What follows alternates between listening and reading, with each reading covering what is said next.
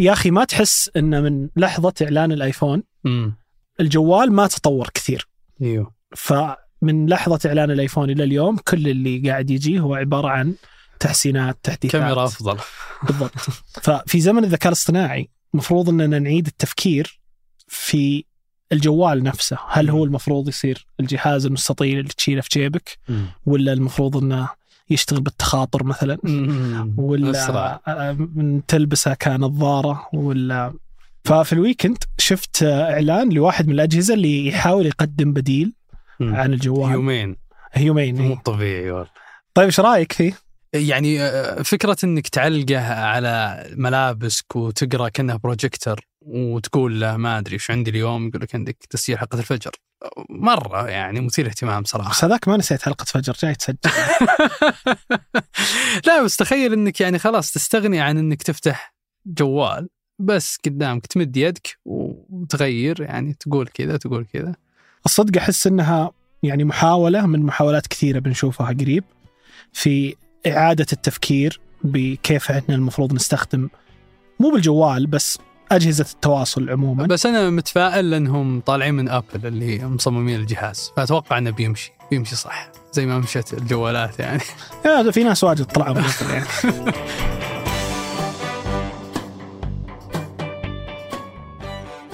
هذا بودكاست الفجر من ثمانية. بودكاست فجر كل يوم نسرد لكم فيه سياق الأخبار اللي تهمكم. معكم أنا إبراهيم القرعاوي وأنا فارس الفرزان.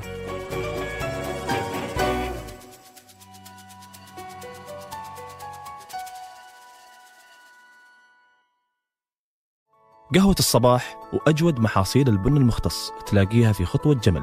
اعرف أقرب فرع لك من الرابط في وصف الحلقة.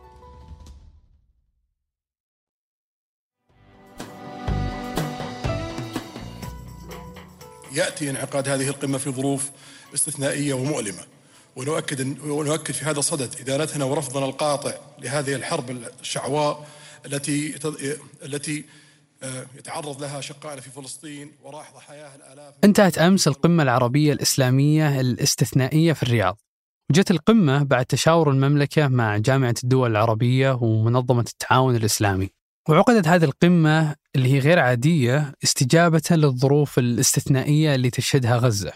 وجت هذه القمة عوضا عن القمة العربية غير العادية والقمة الإسلامية الاستثنائية واللي كان من المقرر أنهم ينعقدون في التاريخ نفسه. ويأتي هذا استشعار من قادة جميع الدول لاهميه توحيد الجهود والخروج بموقف جماعي موحد آه، يعبر عن الإرادة العربية الإسلامية المشتركة بشأن اللي تشهده غزة.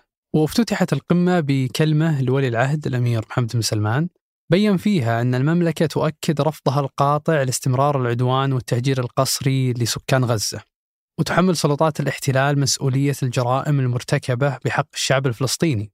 وكذلك جدد رفض المملكة لهذه الحرب اللي يتعرض لها الأشقاء الفلسطينيين وأكد على الوقف الفوري للعمليات العسكرية والدعوة للإفراج عن الرهائن المحتجزين وحفظ الأرواح. وحصول الشعب الفلسطيني على حقوقه المشروعة وإقامة دولته المستقلة بحدود 67 وعاصمتها القدس الشرقية وهو ما يضمن استدامه الأمن واستقرار المنطقة. كذلك أشار سمو ولي العهد إلى فشل مجلس الأمن والمجتمع الدولي في وضع حد للانتهاكات الإسرائيلية. واعتبر ذلك مجرد ازدواجية للمعايير من قبلهم ودعا في ختام كلمته للدول الإسلامية إلى العمل معا من أجل فك الحصار بإدخال المساعدات الإنسانية والإغاثية إلى غزة.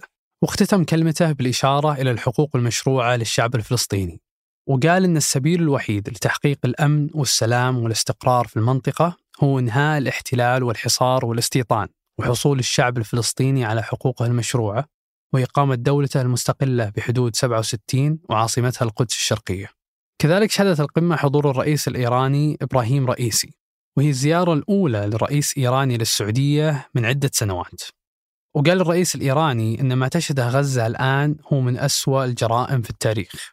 واتهم الرئيس الإيراني الولايات المتحدة بتشجيع إسرائيل على جرائمها. وقال أمريكا دخلت الحرب عمليا لصالح إسرائيل. بتحريك أسطولها إلى المنطقة. وطالب الرئيس الإيراني كذلك بتشكيل محكمة دولية لأمريكا وإسرائيل آه، لمشاركتهم في عمليات القتل في غزة. وقف كافة الممارسات التي تستهدف التهجير القسري للفلسطينيين إلى أي مكان خارج أرضهم. من ناحيته دعا الرئيس المصري عبد الفتاح السيسي إلى إجراء تحقيق دولي في انتهاكات القوات الإسرائيلية بحق الفلسطينيين في غزة. وطالب الرئيس المصري بوقف كافة الممارسات اللي تستهدف التهجير القسري للفلسطينيين إلى أي مكان خارج أرضهم. كما حذر السيسي من أن التخاذل عن وقف الحرب في غزة ينذر بتوسع المواجهات العسكرية في المنطقة.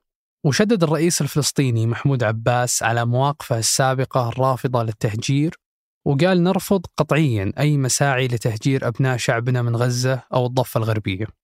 وأضاف أن قطاع غزة جزء لا يتجزأ من دولة فلسطين ويجب أن يكون الحل السياسي شاملا. ودعا الرئيس التركي رجب طيب أردوغان إلى تأسيس صندوق تحت رعاية منظمة المؤتمر الإسلامي لإعادة إعمار غزة. وجاء البيان الختامي للقمة العربية الإسلامية في 31 نقطة. وطالب البيان مجلس الأمن التابع للأمم المتحدة باتخاذ قرار فوري يدين تدمير إسرائيل الهمجي للمستشفيات في قطاع غزة. كما طالب البيان جميع الدول بوقف تصدير الأسلحة والذخائر إلى سلطات الاحتلال اللي يستخدمها جيشها والمستوطنون الإرهابيون في قتل الشعب الفلسطيني. وفي موضع آخر طالب البيان المدعي العام للمحكمة الجنائية الدولية بدء تحقيق فوري في جرائم الحرب والجرائم ضد الإنسانية اللي يرتكبها الاحتلال الإسرائيلي ضد الشعب الفلسطيني في جميع الأراضي الفلسطينية المحتلة.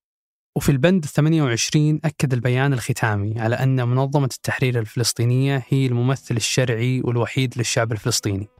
ودعوة الفصائل والقوى الفلسطينية للتوحد تحت مظلتها وأن يتحمل الجميع مسؤولياته في ظل شراكة وطنية بقيادة منظمة التحرير الفلسطينية.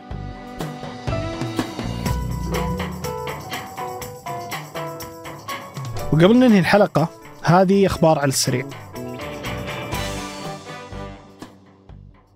الحملة الشعبية السعودية لإغاثة الشعب الفلسطيني في قطاع غزة تصل إلى أكثر من 450 مليون ريال.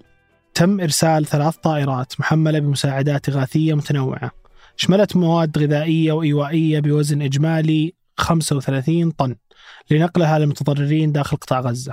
الحملة اللي دعا لها خادم الحرمين الشريفين تمت من خلال مركز الملك سلمان للإغاثة. وهو مركز ينطلق من أهداف إنسانية في تقديم المساعدات للمحتاجين وإغاثة المنكوبين في أي مكان بالعالم.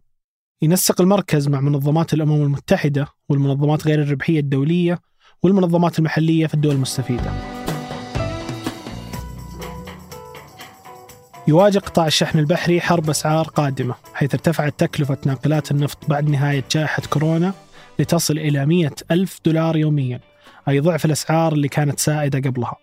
ومع التراجع في أسواق الشحن الأخرى انخفضت أسعار شحن الحاويات بشكل دفع البعض للتحذير من المسار المقبل للاقتصاد العالمي خصوصا بعد خفض شركات الشحن ما يصل إلى ثلث الرحلات عبر المحيط الهادي بسبب تباطؤ الطلب على السلع.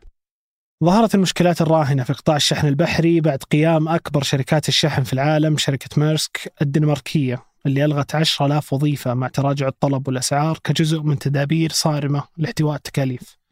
توقع بعض الاقتصاديين تنامي الطلب العالمي بعد الجائحة مع عدم قدرة العرض على مواكبته واللي أدى لارتفاع الأسعار واجتاح الاقتصاد الدولي موجة عنيفة من التضخم. كان الخيار الوحيد للبنوك المركزية هو رفع أسعار الفائدة اللي تسبب في انخفاض الإنفاق العالمي على السلع ومن ثم تراجع الطلب على الشحن البحري. المتوقع أن يتم تغيير جزء كبير من أسطول الشحن العالمي بين 2023 و 2025 بتسليم أكثر من 700 سفينة في عامي 2023 و 24 وأكثر من 150 سفينة في عام 2025 في الرياض أقيمت القمة السعودية الأفريقية يوم الجمعة الماضية واللي تسعى لتعاون استراتيجي بين الجانبين في مختلف المجالات السياسية والاقتصادية والاستثمارية والأمنية والثقافية بما يعزز المصالح المشتركة ويحقق التنمية والاستقرار. حيث بلغ حجم التبادل التجاري بين السعودية والدول الأفريقية أكثر من 74 مليار ريال سعودي في 2023 إضافة إلى رسم خريطة للنهوض باقتصاد بلدان القارة الأفريقية اللي يؤثر نموها إيجابا على نمو الاقتصاد العالمي وفق ما أعلن وزير المالية السعودي. نتج عن القمة 16 لجنة مشتركة ومجلسي تنسيق وسبع مجالس أعمال. بالإضافة لإبرام أكثر من 250 اتفاقية تعاون في مختلف المجالات السياسية والاقتصادية والتنموية. حيث وقع الصندوق السعودي للتنمية 14 اتفاقية قرض ميسر تنموي مع 12 دولة أفريقية بقيمة تتجاوز مليارين ريال لمساعدتها في التغلب على التحديات الاقتصادية. بالإضافة إلى توقيع وزير الطاقة السعودي خمس مذكرات تفاهم بين السعودية وأثيوبيا والسنغال وتشاد ونيجيريا ورواندا بهدف التعاون في مختلف مجالات الطاقة.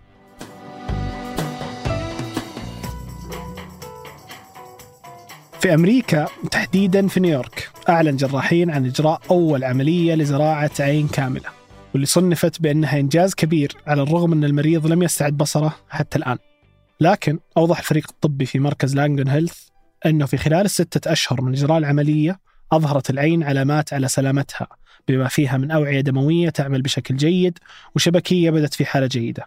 لكن حتى الآن تمكن الأطباء فقط من زراعة القرنية وهي الطبقة الشفافة الأمامية للعين.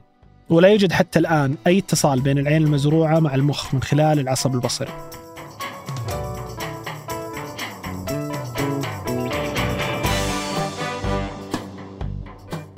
أنتج هذه الحلقة سفر عياد ورناد العيسى وقدمتها أنا فارس الفرزان. وأنا إبراهيم القرعاوي. وراجعها وحررها محمود أبو ندى. نشوفكم بكرة الفجر.